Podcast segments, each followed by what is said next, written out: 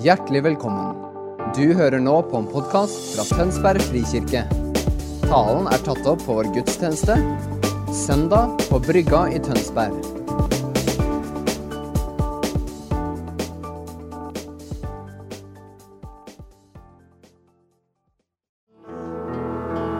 Takk, Jesus. Takk, Jesus, for at det er fullbrakt. Takk, Jesus, for at du er oppstanden og at du lever. Takk, Jesus, for at du overvant alt når du døde på korset og sto opp igjen. Og takk for at det er vår realitet i dag, Jesus. Ja, Jesus. Amen. Så bra. Takk skal dere ha, lovsangsteam. Ja, så bra. Gratulerer med dagen, kjære konfirmanter. Må passe på å få sagt det ordentlig eh, ofte og godt, fordi det er virkelig det er en dag for å feire disse konfirmantene. Det er en dag hvor vi setter pris på dere. Vi skal feire dere og feire det som dere har gått gjennom det året her. Og det som forhåpentligvis har skjedd i livene deres dette året, hvor dere kanskje har blitt litt bedre kjent med Gud, eller fått utforska nye aspekter ved troen sin. Så bra. Så gratulerer med dagen. Yes. Så jeg heter Øyvind Mathias, som Sven Kjetil sa. Og jeg er ungdomsleder i FRIK, og det er en fantastisk uh, arbeid, uh, eller en fantastisk jobb å kunne ha. egentlig, Å kunne jobbe med ungdom og se på en måte ungdom som kommer inn, og kunne møte Jesus og møte, møte Gud. da på, uh, på et ungdomsmøte eller i livene sine. Det er utrolig givende å kunne stå i en sånn tjeneste og kalle det sitt arbeid. Så bra. Jeg skal, jeg skal, skal tale litt og slapp av. Jeg skal ikke holde på så lenge som Morten gjør når han snakker om ånd. Jeg skal holde det litt kortere. Så det går bra. Men jeg har lyst til å starte litt med, med å snakke litt om Youthcamp, denne sommerleiren som konfirmantene var en del av. Eh, Det er et, et sommerstevne, en leir, som var nede i Grimstad i sommer. og Det var rett og slett bare så utrolig bra at jeg har lyst til å ta og trekke fram noen av de historiene som er derfra. Eh, Det var utrolig mange ungdommer som kom tilbake med, med historier om hvordan de var berørt av Gud, eller hvordan de hadde opplevd noe nytt, eller sett noe for første gang, eller bare hadde en sånn ny sånn iver og en lidenskap fordi det var en, måte, en berøring fra Gud, fra, fra, fra vår far i himmelen. Og så har jeg lyst til å trekke fram noen av de historiene. Eh, for eksempel så eh, var det noen ungdommer som som sa at eh, liksom de satt under møtet og så bare opplevde at det, det kjentes så godt å være til stede i det møtet. De kjente en sånn, en sånn trygghet, en sånn, en sånn omsorg. Så at når møtet ble ferdig, så valgte de bare å liksom bli sittende der. Liksom, det var ikke noe mer som skjedde på scenen, eller de fleste liksom forlot, forlot rommet, men det var fortsatt bare en sånn, en sånn trygg atmosfære, sa de. Å kunne være i det rommet. Det kjente et eller annet spesielt. Og så kan vi skjønne at ja, det, det er jo Guds nærvær. Gud er til stede. Og Guds rike og altomfattende kjærlighet den er faktisk til å ta på og erfare til tider. Og så er det sånn at Når, når Gud er til stede i rommet, så, så skjer det ting. Det er, det er, ofte helbredelse til stede, eller, eller, eller det blir nye, ny, det blir frihet hvis man er bundet. Og Det var en del av ungdommene som hadde på en måte snakket, Vi har snakka litt om helbredelse på ungdomsmøtene, og sånne ting, og så har de, liksom, de har hørt historier om om mennesker som blir helbreda, eller de har lest i Bibelen. Men de har liksom ikke erfart det selv, de har ikke sett det med sine egne øyne. Men under denne sommerleiren så var det flere som faktisk fikk erfare at når, mens de ba, så var det andre mennesker som ble helbreda. Jeg har lyst til å trekke fram en historie. Det var en av, en av guttene i ungdomsarbeidet. Han, han hadde liksom veldig lyst til å be, så han, han, ba for litt forskjellige folk. Og så var det en gutt som kom og hadde smerter i foten sin. Han kunne ikke bevege på tærne, og det gjorde, gjorde veldig vondt. og halta litt og sånn. Og så tar han og ber, han ber en bønn om at det skal bli helbreda, at det ikke skal være noe smerte lenger i den foten. Og så, og så, skjer det ikke så mye, og så ber han en gang til, og så skjer det ikke så mye. og så er det sånn, Men eh, kanskje det skjer noe senere. Vi har tro for at Gud kan gjøre noe senere. Så den gutten går av gårde, og så går liksom møtet sin gang, og så kommer han tilbake og sånn Vet du hva Vet du hva som har skjedd? Vet du hva som har skjedd? Se, se, se. Og så, så begynner han å bevege på tærne. Så går liksom tærne liksom, beveger seg, beveger seg. Så jeg har ikke noe smerte i foten lenger. Altså, er liksom All smerta i foten blir borte, og han kan bevege den rundt og gå fint og, og løpe rundt. Og så er liksom, forventer jeg at han gutten som ble bedre, er egentlig han som skal være liksom mest sånn wow, og løpe rundt. Men det blir han som ba. Han syns det var så kult at han blir liksom skikkelig gira og begynner å løpe rundt i salen. Og, wow, come on. så det er gøy. Det er utrolig sterkt å kunne se det her. Og så, eh, når, eh, når vi hadde første møte med, med ungdommen igjen på, i august, så, så, brukte vi litt tid på å dele disse, disse, historiene og fortelle litt om hva Gud hadde gjort. Og mens vi er i salen av denne fredagen eh, på dette ungdomsmøtet, så kjenner vi at det er, det er, litt tro i rommet. Vi kjenner at Når vi forteller historier om det Gud har gjort, så, så har vi en forventning om at Gud kommer til å gjøre det igjen. Så vi forteller litt vitnesbyrd, og sånn, og så har det seg sånn at den ene lovsangslederen i miljøet vårt har utrolig vondt i ryggen den dagen. Hun har hatt litt problemer med ryggen i, i lang tid, men det er, blitt, det er, blitt, veldig ille akkurat den kvelden her. og Det er vanskelig måte å stå oppe å stå oppreist for lenge og må liksom sette seg ned. Og sånn. Og så er det flere ungdommer som tenker ja, men jeg må jo bare be. Så en del av ungdommene liksom spør kan jeg få lov til å be for det. Og de ber litt, og en, en del forskjellige ungdommer ber i løpet av kvelden. Og så, og så, skjer det ikke så mye. Men mot slutten av kvelden så er det en gutt som spør igjen kan jeg få lov til å be. Jeg vet det er mange som har bedt allerede, men kan jeg be en gang til? Så ber han for ryggen, og så står jeg og spiller bordtennis rett ved siden av mens det her skjer. da. Eh, men så plutselig ser jeg at denne, denne, jenta begynner å gå litt fram og tilbake, og så ser jeg med en gang at det her er noe som har skjedd. Hun gikk ikke sånn i stad. Og, og, så plutselig så ser jeg at hun løper fram og tilbake i gangen. Og så må jeg, liksom, hva er det som skjer da? Så jeg går bort og spør men er, er smerta i ryggen borte. Ja, den er helt borte. Sånn, wow, takk, Jesus. Men er det, er det liksom, Kan du bevege på ryggen igjen? Er mobiliteten tilbake? Ja, ja, det er der. Jeg er litt sånn støl, men ellers er det fint. Sånn, wow. Takk, Jesus. Så Det er så gøy å se det som at ungdommene får erfare at Gud er til stede, og Gud faktisk ønsker å bruke dem. Hun skal bruke dem til å kunne la sitt rike komme. Og så, og så tenker jeg liksom, hvorfor, hvorfor, driver Gud og helbreder, eller hvorfor, hvorfor, snakker jeg om dette akkurat nå? Men når Gud helbreder, så er det på en måte han viser fram hvem han er. Han viser fram at han er en som helbreder, han er en som bryr seg om oss. En som velger å gå nær for å kunne vise at han har omsorg for oss, at han ønsker å ta vare på oss, beskytte oss. Og I Bibelen så møter vi, vi møter Gud som en far. Vi møter Gud som en far i Bibelen. En far har omsorg. En far tar vare på oss. En far forsørger. En far er til stede. Og alt det er sant om Gud. Men så vet jeg at mitt, i mitt eget liv så er det ikke alltid så lett å gjøre den koblinga at Gud er far. For jeg var veldig velsigna og vokste opp i et hjem hvor jeg hadde en, en, pappa som var til stede, og som var god. Men jeg opplevde ikke at Gud var, var god, eller at Gud var nær. Jeg tenkte at Gud er en sånn veldig sånn abstrakt greie som er langt der borte, og hvis han i det hele tatt fins, så, så, har han ikke noe med meg å gjøre. liksom. Så at Gud var far, det var liksom helt, helt ukjent for meg. Helt til en dag hvor jeg fikk erfare Guds kjærlighet. Og i det øyeblikket jeg erfarte Guds kjærlighet, så forsto jeg å ja, Gud er faktisk nær. Gud ønsker faktisk å leve i relasjon med meg.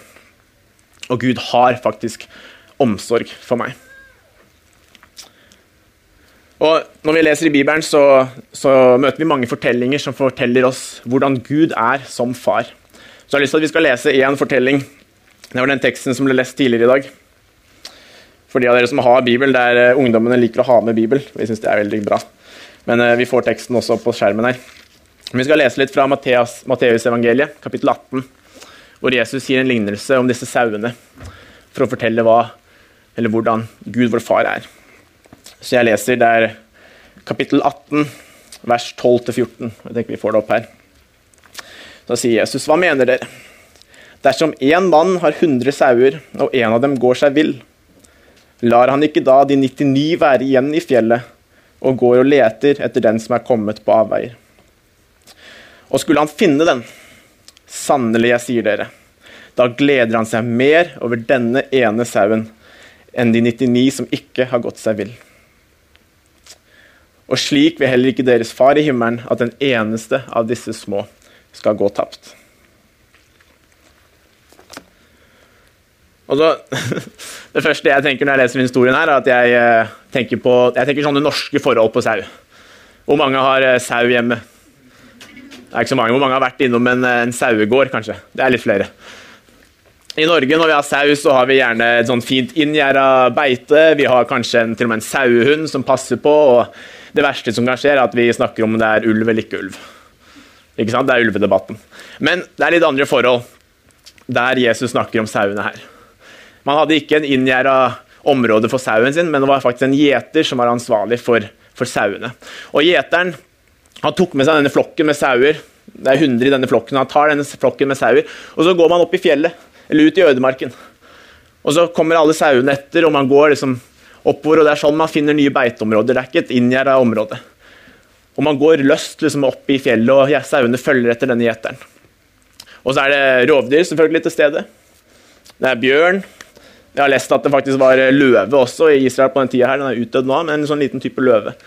Men det var bjørn, og det var litt forskjellige typer dyr som, eh, som kunne på en måte angripe. Så det var ikke bare helt sånn trusselfritt når man gikk ut i skauen eller opp i fjellet med disse sauene. Men likevel Midt i alt det her, da, midt oppi fjellet, mens det er, kan være bjørn rundt neste sving, så oppdager denne gjeteren at det er én sau som er borte. Og Det er ikke sånn at gjeteren har kasta den sauen ut. Det er jo sauen som har gått seg vill. Det er sauen som har gått sin egen vei. Men da bestemmer gjeteren seg for nei. Jeg vil faktisk ha den ene sauen, så jeg skal la de 99 andre være her, og så skal jeg gå og finne den.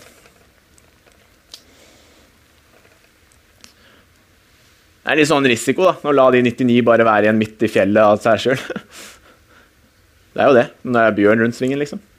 Men gjeteren tenker at det er verdt det. Det er verdt det fordi han vil virkelig finne den ene sauen som har gått seg vill. Og på samme måte så kan man se hvordan Gud og far har en noen utrolig sterk iver etter å finne hver eneste en av oss. Når vi har gått oss vill på våre egne premisser, eller vi har valgt å gå vår egen vei, så ønsker han å finne oss igjen. Og Det er da han gleder seg. Mer enn han gleder seg over alle de andre når han finner den ene igjen. Så vi ser liksom denne enorme kjærligheten vi snakker om Guds kjærlighet, men vi ser den i praksis. da. Vi ser for det første at det er en individuell kjærlighet. Han har en individuell kjærlighet til hver enkelt en av oss. Det er ikke sånn at Han bare elsker menneskeheten, eller han elsker mennesker. Men han elsker deg. Han velger å gå etter den ene sauen som har gått seg vill. Og så har han en tålmodig kjærlighet. Han har tålmodighet til oss. Han vet at selv om vi har gått oss vill, så vet han at vi kommer til å finne oss igjen. Og han har tålmodighet til å stå og vente på oss. Tålmodighet til å gå og lete etter oss. Så det er en tålmodig kjærlighet. Og så er det en søkende kjærlighet han har for oss. Fordi han faktisk velger å gå mot oss, velger å gå etter oss, søke etter oss. Gå i den retninga vi har gått oss vill. For han vil finne deg. Og så er det en frydende eller en gledende kjærlighet. Fordi som vi leste, så har han mer glede eller han fryder seg mer over denne ene sauen han finner, enn de 99 andre. Og På samme måte så er det med deg. Han har en frydende eller en gledende kjærlighet mot deg. Og han gleder seg over å kunne være nær. Og sist, men ikke minst, så er det en beskyttende kjærlighet. Fordi han faktisk verner om oss. Han står som den sterke, tøffe, modige gjeteren mot alt det som er der ute. Og beskytter og verner om oss, har omsorg for oss. Og så syns jeg det er så fint måten det står i det siste verset, at, uh, at vår far ikke ønsker at den eneste av disse små skal gå tapt. Og Da ligger det liksom litt i ordene at hvis ikke en eneste skal gå tapt, da fins det, ikke, en, eh, ikke noe unntak. Så uansett hvor langt vi liksom har kommet oss av gårde, så, så fins det ikke noe unntak. da. Han ønsker ikke at vi skal gå tapt. Om jeg er en sau som har liksom kommet meg 20-30-40 mil av gårde. ikke sant? Han ønsker ikke at noen av oss skal gå tapt. Og Det er så godt å kjenne på for meg eller for dere i salen at uansett hvor langt jeg kjenner at jeg er borte fra Gud akkurat nå, så er det ikke for langt. Han ønsker at ingen av oss skal gå tapt. Han vil fortsatt være den gjeteren som kommer og finner oss. Så kanskje du sitter her i dag og kanskje du ikke kjenner Gud i det hele tatt. Nå har jeg bare lyst til at du skal tenke over at du er kanskje denne sauen som har gått deg vill. Men Gud, vår far, han lengter etter å gå deg i møte og finne deg. Men om det er deg, så trenger du ikke gjøre noe akkurat nå, men du kan vite at Gud faktisk er på utkikk etter deg, og han lengter etter å finne deg. Eller kanskje du kjenner Gud eller følger Jesus, men du kjenner at du har kommet deg litt langt bort. Eller eh, nå snakker jeg litt til meg selv òg. Liksom, til tider så kan man kjenne at man har kommet seg litt langt bort der, til dere konfirmanter, da, hvis dere kjenner lenger i livet, noen år nedover. Når dere føler at dere har kommet langt bort fra Gud. Så husk at det står et løfte her om at gjeteren alltid vil komme og finne oss.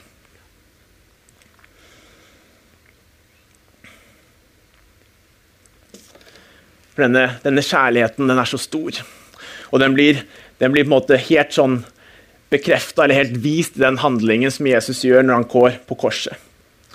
Det står i Johannes 3, 16 at Gud elsket verden så høyt at han ga sin sønn den enbårne, for at hver den som tror på han ikke skal gå fortapt, men ha evig liv.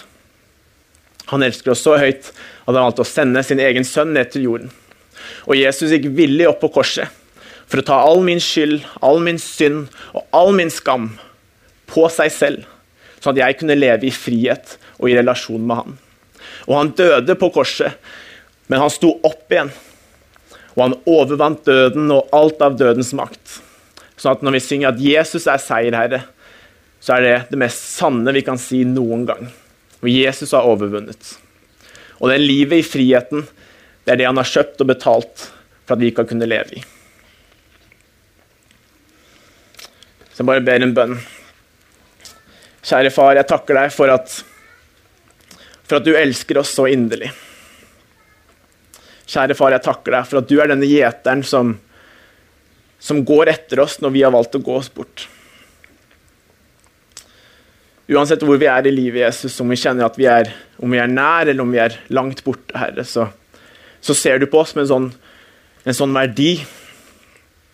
Og du lengter etter å kunne kalle oss dine barn, Herre. Så jeg ber akkurat nå, Jesus, om at hvis det er noen som kjenner at de er langt bort fra deg, Jesus, så skal de oppleve at du går dem i møte. Og Jesus, jeg velsigner konfirmantene våre. Jeg ber om at de skal ha en fantastisk dag i dag. Og jeg ber Jesus om at dette løftet skal være noe de kan bære på i sine hjerter i årene fremover. Amen.